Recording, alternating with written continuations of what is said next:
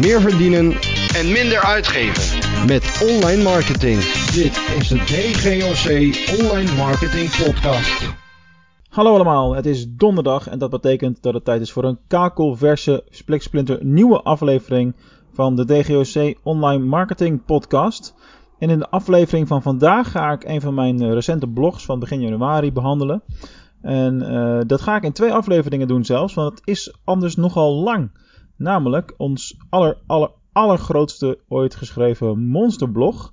Namelijk een eh, blog schrijven en 52 redenen om dit te doen. Oftewel, 52 redenen om te blijven bloggen. Nou, op een gegeven moment, eh, hoe komt zo'n blog tot stand? Laat ik daar eens beginnen. Dat is misschien wel een beetje interessant. Ik volg niet helemaal de lijn van het artikel. Dus als je de 52 redenen rustig door wil lezen, ga dan naar uh, dgoc.nl uh, slash blog. En zoek, of, zoek, of rechtstreeks naar blog-schrijven. Uh, dan ben je er ook. want dat is de URL van het, van het artikel. hoe is dit artikel nou ontstaan? Laat ik daar eens beginnen. Sowieso hebben wij het voornemen voor 2020 om elke week een blog te publiceren. Nou, we zijn al een aantal weken daarin vooruit, dus uh, so far so good, zeg maar. Dus tik me gerust aan het eind van 2020 aan als we dat niet hebben volgehouden. Wanneer je dit misschien luistert, hè, want bij een podcast weet je natuurlijk nooit wat het moment is van, van luisteren, van consumptie. Maar goed, lang verhaal kort. Wij hebben gedacht, we gaan ongeveer één keer per maand een monsterblog schrijven. Dat is een heel groot blog. Uh, dat zijn blogs vaak van meer dan uh, 1500 tot 2000 woorden. Of 2500 tegenwoordig. Eh, en de rest van de tijd schrijven we gewoon een normaal blog per, per week. Zo ergens tussen de, nou, dat kan zijn 7, 800 en de 12, 1300 woorden ongeveer. De allereerste keer dat ik een monsterblog schreef, dat was een jaar of drie geleden. Dat was tot nu toe altijd nog mijn langste. Dat waren iets van 1700 woorden. En dat waren 28 uh, strategieën om uh, je Google Ads te, te verbeteren. Nog steeds uh, actueel en live en onlangs nog bijgewerkt trouwens. Maar goed, ik dacht we gaan het eens eventjes goed doen. We hebben 52 weken, dus kan ik ook wel 52 redenen bedenken om te bloggen. Nou ja, ik kan je vertellen, daar ben je wel even mee bezig. Dat, dat begint dan met een hoop, hoop research. dus je gaat eerst uit je hoofd een heleboel redenen bedenken van oké, waarom blog ik? Wat moet het opleveren? Waarom doen we het? Etcetera. En vervolgens ga je kijken naar alles wat wereldwijd überhaupt is gepubliceerd en haal je daar de krenten uit de pap. En dan moet je het natuurlijk nog ontdubbelen, zodat je geen reden in jouw lijst hebt staan die er twee of drie keer in staat. Want dat zwakt het artikel dan natuurlijk af. Zo gezegd, zo gedaan. Dus ik bouw eerst de raamwerk van zo'n blog, een, een, een, structuur zeg maar, net zoals dat je dat zou doen met, uh, met een boek. En daarna ben ik stuk voor stuk al die 52 redenen uit gaan schrijven. En dat heeft uiteindelijk geleid tot een blog van meer dan 3600 tekens. By far mijn langste blog tot op heden ooit. Ik ben benieuwd wanneer ik daar ooit eens overheen ga. Uh, wie weet wel met het volgende monsterblog, want die is in concept op dit moment. En dat zullen 60 uh, SEO-technieken die je kunt gebruiken zijn. Maar goed, dan moet natuurlijk de tijd maar leren hoeveel tekst daar dan allemaal weer, weer bij komt. Um, Waarom überhaupt een monsterblog schrijven? Nou, gewoon het valt meer op, het levert meer waarde, mensen blijven langer op je website, mensen zien dat het onderscheidend is en dan, dan wordt er vaker naar je, naar je gelinkt, naar je verwezen. Zijn allemaal redenen om het op die manier te doen, naast het schrijven van normale blogs. Want er is altijd discussie over, moet een, content nou lang zijn of moet het nou kort zijn, wat is nou goed? Nou, ik zeg altijd van, pak de vrije vorm. Er is niet één goed of één fout, het is voor iedereen anders. En ik doe gewoon wat, um, wat bij dat artikel of bij die situatie het beste past. Nou, in dit geval waren dat dan uh, 52 uh, redenen om te bloggen als groot artikel. Maar ik heb ook heel vaak gewoon 5 tips voor dit of 3 redenen om dat te doen, etc. Dus net wat bij dat stukje content past. Uh, mix het, doe wat goed voor je voelt. Dat is net zoiets als dat de, deze podcast heeft de ene keer uh, lange afleveringen, dan korte afleveringen, solo, interviews. Ik doe gewoon wat goed is bij dat stukje content of bij dat onderwerp. Goed, genoeg uh, introductie over de, al die verschillende redenen. Uh, laten we van start gaan en we gaan in deze aflevering de, nou, ik denk eerste 20 redenen ongeveer zeker gaan doornemen. En dan volgende week donderdag, op het moment dat je actueel luistert tenminste, dan krijg je deel 2. En daartussendoor hebben we natuurlijk nog de highlight afleveringen die we zeker nog de komende 2-3 maanden op voorraad hebben, zeg maar. Dus dat is ook leuk. Goed, we gaan beginnen. Ehm, met de 52 redenen om een blog te schrijven. Alright, de allereerste reden is natuurlijk nog altijd content is king. Dat is een van de meest ouderwetse uitspraken in het eh, online marketing uh, vakjargon. Eh, maar het is gewoon nog steeds waar een cliché is ook niet voor niets een cliché. Dat is meestal gewoon zo omdat het waar is. Wie schrijft blijft. Heb je veel content, heb je meer kansen om gevonden te worden. dus content is king blijft gewoon als een, um, als een paal boven water staan, zeg maar. Heel kort door de bocht. Als je een website hebt en je hebt daar duizend blogs op staan.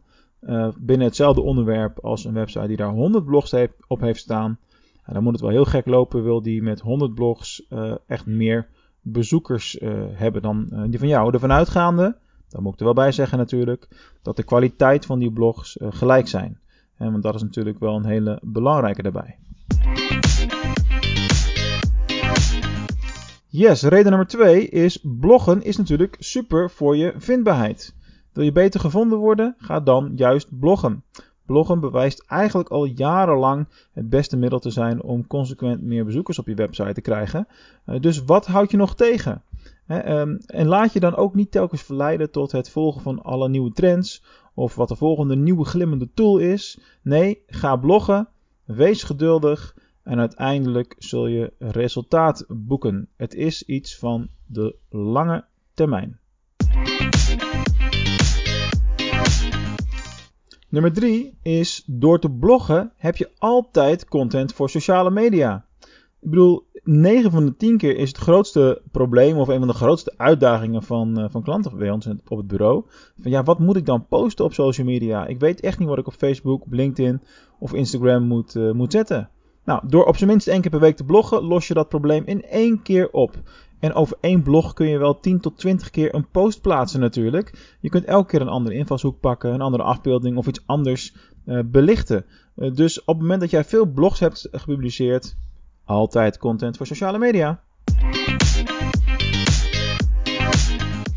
Yes, nummer 4. Vanuit blogs kun jij content cureren. Content curatie is een onderwerp wat natuurlijk steeds uh, terugkomt, uh, ook bij ons. Uh, en een van de dingen die wij doen is letterlijk wat ik op dit moment aan het doen ben. Ik heb natuurlijk eerst een blog geschreven over, over de redenen om te blijven bloggen. En nu ben ik een audio aan het opnemen. Oftewel, ik cureer de content die ik al heb. En ik maak ze in een nieuwe vorm. Ik zou er ook nog een keer een video over kunnen opnemen natuurlijk. Dat staat ook op de agenda. Uh, en zo net zo goed als dat je dat uh, dezelfde stukjes content in sociale media gebruikt. Of in nieuwsbrieven op allerlei andere plaatsen. De volgende reden is een blogger is een proactief persoon. Bloggers staan bekend als proactieve mensen. Dat is op zich niet zo heel erg vreemd, want alleen al het feit dat je op het idee komt om een blog te beginnen, maakt je al wat meer proactief dan de gemiddelde medemens. Maar goed, vervolgens moet je natuurlijk ook echt gaan doen. Oftewel, lekker proactief zijn. De volgende reden is het schrijven via blogs een boek bij elkaar heb ik het niet letterlijk zo gedaan, maar in essentie komt het er natuurlijk wel op neer dat als jij een boek over een bepaald onderwerp wil schrijven en, uh, en je hebt een blog tussen de 1000 en 1500 woorden zit bijvoorbeeld, dan heb je met een stuk of 20 blogs al snel een compleet boek bij elkaar. Nou, als je dat slim aan wil pakken, stel dat ik nu een boek zou willen schrijven over het bloggen, niet dat ik dat ga doen, maar stel dat, dan zou ik 5, 6, 7 keer in het jaar minimaal een blog publiceren over dat specifieke onderwerp. Al die content kun je vervolgens aan elkaar knippen en plakken en voor je het weet heb jij een totaal boek bij elkaar.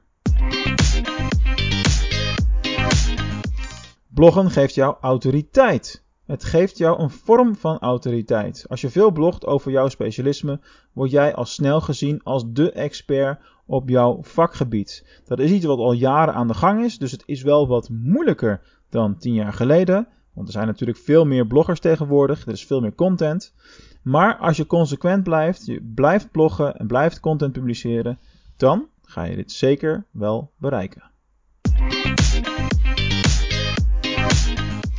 Van bloggen kun je leren. Ja, het is natuurlijk bijna niet te voorkomen dat je gaat leren doordat je blogs aan het schrijven bent. Op veel momenten zul je natuurlijk research moeten doen, allerlei dingen moeten controleren en artikelen moeten lezen om te verwerken in jouw eigen blog. Zo gaat het bij mij ook op het moment dat ik een stukje schrijf over SEO-trends. Dan kijk ik ook op YouTube en dan kijk ik naar de nieuwe Patels en de Gary Vaynerchuk's van deze wereld. En dan leer ik ook telkens weer wat nieuws. Kortom, van bloggen kun je in elk geval niet dommer worden. Met blogs bouw je ook een netwerk op. Door te bloggen kom jij sneller in contact met andere mensen, daardoor bouw je ook eenvoudiger een netwerk op. Als jij je blogs vaak op sociale media deelt, ontstaat er ook allerlei interactie. Uh, mensen kunnen je blogs gaan delen en voor je het weet heb je tal van gesprekken met gelijkgestemden of vakcollega's. Of beter nog, misschien wel met potentiële klanten voor jouw bedrijf. Blogs zorgen natuurlijk ook voor meer verkeer. Het is niet alleen zo dat je blog schrijft vanuit het oogbaar, oogpunt van, uh, van vindbaarheid, dus meer verkeer vanuit organische zoekresultaten, maar je krijgt ook vanuit allerlei andere kanalen natuurlijk meer verkeer. Denk bijvoorbeeld aan de doorklikken vanuit sociale media, waar je je blogs kunt delen, maar ook vanuit de nieuwsbrieven die je verstuurt, waar je natuurlijk ook je waardecontent moet gaan delen. Want meer verkeer betekent uiteindelijk meer omzet voor jouw bedrijf of jouw dienst. Door te bloggen krijg je meer klanten en dus meer omzet. Doordat je meer verkeer op je website krijgt, zal je normaal gesproken ook meer klanten gaan krijgen. Maar dan ga ik er wel even vanuit dat je een goed converterende website hebt met allerlei call to action momenten en uh, de knoppen op de juiste plaats, uh, de juiste kleur van de knoppen, noem het maar op. Dat heb je wel toch? Goed. Een uh, super simpel voorbeeld van zo'n call to action is natuurlijk de keiharde verwijzing naar onze online marketingdiensten. Dus bij deze, heb jij zelf online marketingondersteuning nodig? Ga dan eens naar dgoc.nl/slash diensten. Door te bloggen kun jij je kennis delen. Je hebt natuurlijk allemaal kennis in je hoofd en het moet er op een gegeven moment gewoon uit. Je leert continu bij en ja, bloggen, het is voor mij nog steeds een heerlijke manier om mijn kennis te delen uh, met de buitenwereld. En ook gewoon om het ja, uit mijn systeem te laten gaan, laat ik het zo zeggen. Dus het is lekker voor mezelf. Eh, het is heel vaak zo dat ik voor de klas sta. Uh, en dat ik dan het een en ander uitleg. En dat voor de ene gedeelte van de groep is het gelijk duidelijk. Die weten het, die snappen het. En voor een ander gedeelte, die heeft wat meer nodig. Dus wat meer manieren om dezelfde content, van mij in dit geval, uh, te kunnen consumeren. En dan verwijs ik naar een blog, of een van de vele blogs die ik geschreven heb als, uh, als, als uh, referentie, zeg maar. Dus dat is super handig. De volgende reden: blogs worden vaker gedeeld dan andere vormen van content. Dat is op zich ook logisch, want over het algemeen zijn blogs educatief van aard, of informatief, of vanuit een entertainment perspectief, of een mix daarvan. Uh, en veel minder vaak is het zo dat blogs heel erg commercieel geschreven zijn en ja, stiekem niet veel meer zijn dan uh, verkapte reclame. In essentie is natuurlijk alle content vanuit elk bedrijfsperspectief gezien is een soort van reclame en er zit wel een belang achter. Maar goed, je hebt natuurlijk ook een, een leerdoel. Uh, hierdoor is het zo dat blogs veel meer dan andere soorten content worden gedeeld. En daardoor kan weer een viraal effect ontstaan. Dus zorg ervoor dat je blogt, dan wordt jouw content vaker gedeeld dan wanneer je dat niet doet. Ja, de volgende reden is er eentje die super actueel voor ons is, ook in 2020. Een blog kun je blijven verbeteren. Dat was de laatste tijd echt een van de eye-openers ook voor onszelf. Dus ook wij zijn nooit uitgeleerd. Een blog is natuurlijk eigenlijk nooit af. Als je een blog hebt geschreven en gepubliceerd, dan uh, wil je er steeds naar teruggaan om dingen aan te passen of aan te vullen of verbeteren. Uh, omdat uh, bijvoorbeeld een blog steeds minder verkeer krijgt. Of omdat een bestaand blog de zoektermen waar die op gevonden wordt, dat niet voldoet aan de zoekintentie van degene in die Google die, die zoekt. Of omdat de kwaliteit van de inhoud niet meer helemaal klopt. Of omdat je meer dingen kunt toevoegen. Of omdat je meer call to actions kunt publiceren in een blog. Ja, noem het maar op. Content kun je altijd blijven verbeteren. En dat wordt misschien zeker in 2020 en verder nog wel belangrijker dan het continu maar publiceren van nieuwe content. Want het lijkt er heel vaak op dat bijna iedereen zich alleen maar daarmee bezighoudt. Een blog behoudt natuurlijk zijn waarde in het, over het algemeen zo is dat een blog uh, zijn waarde houdt. Veel van de content die je schrijft is over het algemeen niet mega tijdsgevoelig en kan ook van waarde zijn voor lezers die je blog pas over 1, 2 of over 5 jaar tegenkomen. hierbij refereer ik natuurlijk ook eventjes aan mijn reden uh, hiervoor. Hè, het blijven verbeteren van je blogs. Uh, dus dat sluit daar mooi op aan. Next, er zijn steeds meer zoekopdrachten. Mensen zoeken nog steeds vaker en vaker in Google. Er zijn dan ook steeds meer zoekopdrachten waarop je gevonden zou kunnen worden. Ja, dat geeft natuurlijk ook steeds meer kansen om een resultaat te halen, dus om te scoren, zeg maar. Een groot deel van de tegenwoordige groei zit er niet alleen in de geschreven zoekopdrachten, maar ook in uh, voice search. We hebben met z'n allen bijvoorbeeld steeds vaker uh, de, de voice-knop in gebruik op de telefoon of de Google Home uh, thuis op het kastje staan. Uh, maar goed, zelfs op de desktopversie van Google zien we inmiddels de microfoon bij het zoekveld uh, staan. Waardoor het nog gemakkelijker wordt om uh, zoekopdrachten in, in voice te doen. maar wat je dan dus krijgt is dat de zoektermen waarop gezocht wordt worden steeds langer qua aantal en bestaan uit steeds meer zoekwoorden. Um, ja, dus meer zoekvolume, dus meer kansen. Bloggen zorgt ervoor dat je slimmer wordt. Door regelmatig te bloggen kun je simpelweg slimmer worden. hey, ik garandeer natuurlijk niks, maar het is wel een feit dat doordat je aan het bloggen bent, je vaak proactief moet nadenken over wat de boodschap is van wat je wil vertellen in je blog. En je ook regelmatig research moet doen, waar je ook weer van alles van leert. Jouw blog kan het leven van anderen verrijken. Bloggen kan ook echt een dankbaar iets zijn om te doen. Je verrijkt namelijk het leven van anderen. Jouw blog helpt problemen op te lossen van anderen, brengt mensen op ideeën en zorgt ervoor dat ze verder kunnen. Nou, als dat al niet een mooie reden is om te blijven bloggen, dan weet ik het ook niet meer. Reden nummer 19. Je wordt een betere schrijver door te bloggen. Hoe vaker je blogt, hoe beter je schrijfwerk wordt. Als ik nu terugkijk naar mijn blogs van een jaar of vijf geleden. Tja, dan vind ik ze zelf ook wel eens tenen krommend slecht opgebouwd. Althans, dat is dan wat je van jezelf ziet. Je bent natuurlijk altijd kritisch op je eigen werk. Anyway, het is net zoals met elke andere skill. Op het moment dat je er minimaal 10.000 uur in stopt, dan heb je de mogelijkheid om een ware expert te worden. Dus blijf maar schrijven en ga maar door. Blijf content aanpassen, nieuw content maken en je wordt steeds beter. Ja, dan reden nummer 20 en de laatste van deel 1 van de podcast over dit uh, blog. De andere uh, redenen krijg je, dus zijn er dan nog 32, die krijg je volgende week. Dan heb ik natuurlijk die langere introductie niet nodig. Van bloggen word je creatief. Op dit moment luister je naar een versie van het blog waar ik misschien wel de meeste creatieve energie in heb gestopt die ik ooit nodig had voor het maken van een blog. Want ja, het leek mij wel leuk om een blog te schrijven over uh, bloggen. Ik was al zeker twee, drie maanden heel consequent bezig om elke week een blog aan te publiceren. Dat gaan we dit jaar ook doen. Een jaar of 52 weken. Tada! Er moesten dus 52 redenen komen om te bloggen. Goed, de eerste 20 heb je nu gehoord. En uh, alle redenen die hierna komen, daar zat heel veel meer research in, ondubbeling, meditatie, rustmomenten. Uiteindelijk kwam ik dus tot 52 redenen. Bedankt voor het luisteren. Dit waren de eerste 20. Ik hoor jou graag volgende week donderdag uh, weer voor de volgende 32 redenen om te blijven uh, bloggen. Dus de eerste 20 gehad, 32 nog te gaan.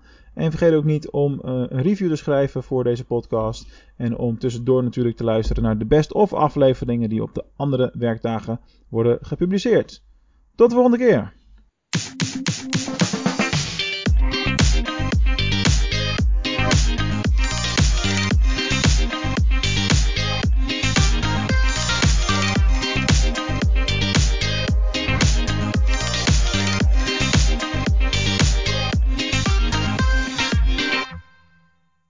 Tof dat je weer geluisterd hebt naar een aflevering van de DGOC Online Marketing Podcast.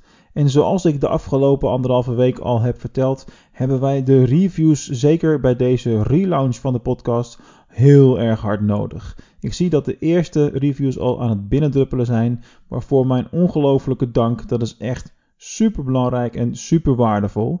Maar ik kan je één ding vertellen: een podcast over online marketing opnieuw lanceren in 2019 is heel wat anders dan eentje opstarten in 2015. Er zijn simpelweg veel meer podcasts om uit te kiezen en om uit te luisteren of om naar te luisteren. Dus je zou me enorm helpen en ik zou het enorm waarderen op het moment dat je een review wil achterlaten. Uh, in de Apple Podcast app uiteraard, waar ik het over heb. En voor uh, Google Android apparaten kun je het beste een review achterlaten voor DGOC op uh, Google in de Google klanten review uh, sectie. in ieder geval hartelijk bedankt nogmaals en tot de volgende.